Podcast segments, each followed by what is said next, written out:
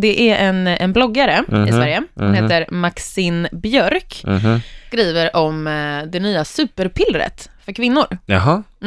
Och det är riktigt bra. Vill, vill du veta vad det är? Ja men, ja, men jättegärna. Mens.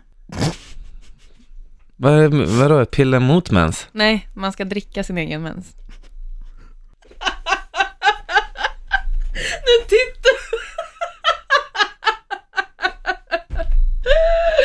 Nej men på riktigt Erik, hon gör alltså det här. Då häller hon i det här i, nu ska vi se vad hon hällde det i, i eh, jo en kopp te. Hon häller alltså ur mensen i en kopp te, blandar runt det och dricker upp det. Vet du varför? Erik, Erik försöker göra allting nu för att inte kräkas. Hon gör alltså det här för att, jag ska bara säga varför, Ja. varför det är så bra. Det är 30 gånger mer järn än vårt blod i venerna. Men Erik, lyssna nu då. Det är viktigt.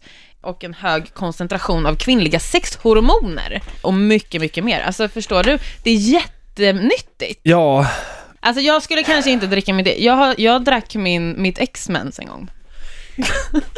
Fan!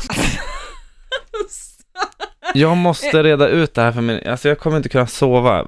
Okej, det vi har fått veta här nu då, det är att, att du har druckit ditt ex mens.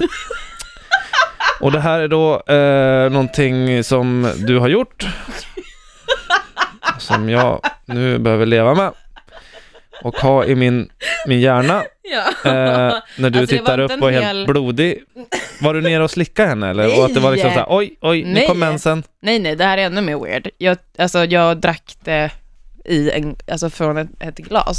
Eller nej, en colaflaska var det. En colaflaska. Skämtar du nej, med mig, nej, eller? Nej, det är på Varför- riktigt. Nej, men Hur vi, jag mår tror du? att, nej, jag mår inte så bra. Alltså, Är det 117, vad är det man ringer? 1177, är det, är det vårdcentralen? Vad, vad är det man ringer? vård... Eh, jo, vårdguiden, vårdguiden här. Jag ska fråga. Vad är det du ska... Vad ska du... Skämtar du? På riktigt? Men bara se vart jag ska skicka dig någonstans. Välkommen till 1177 Vårdguiden. Gäller det ett livshotande tillstånd Ja, Ja. samtalet ring 112.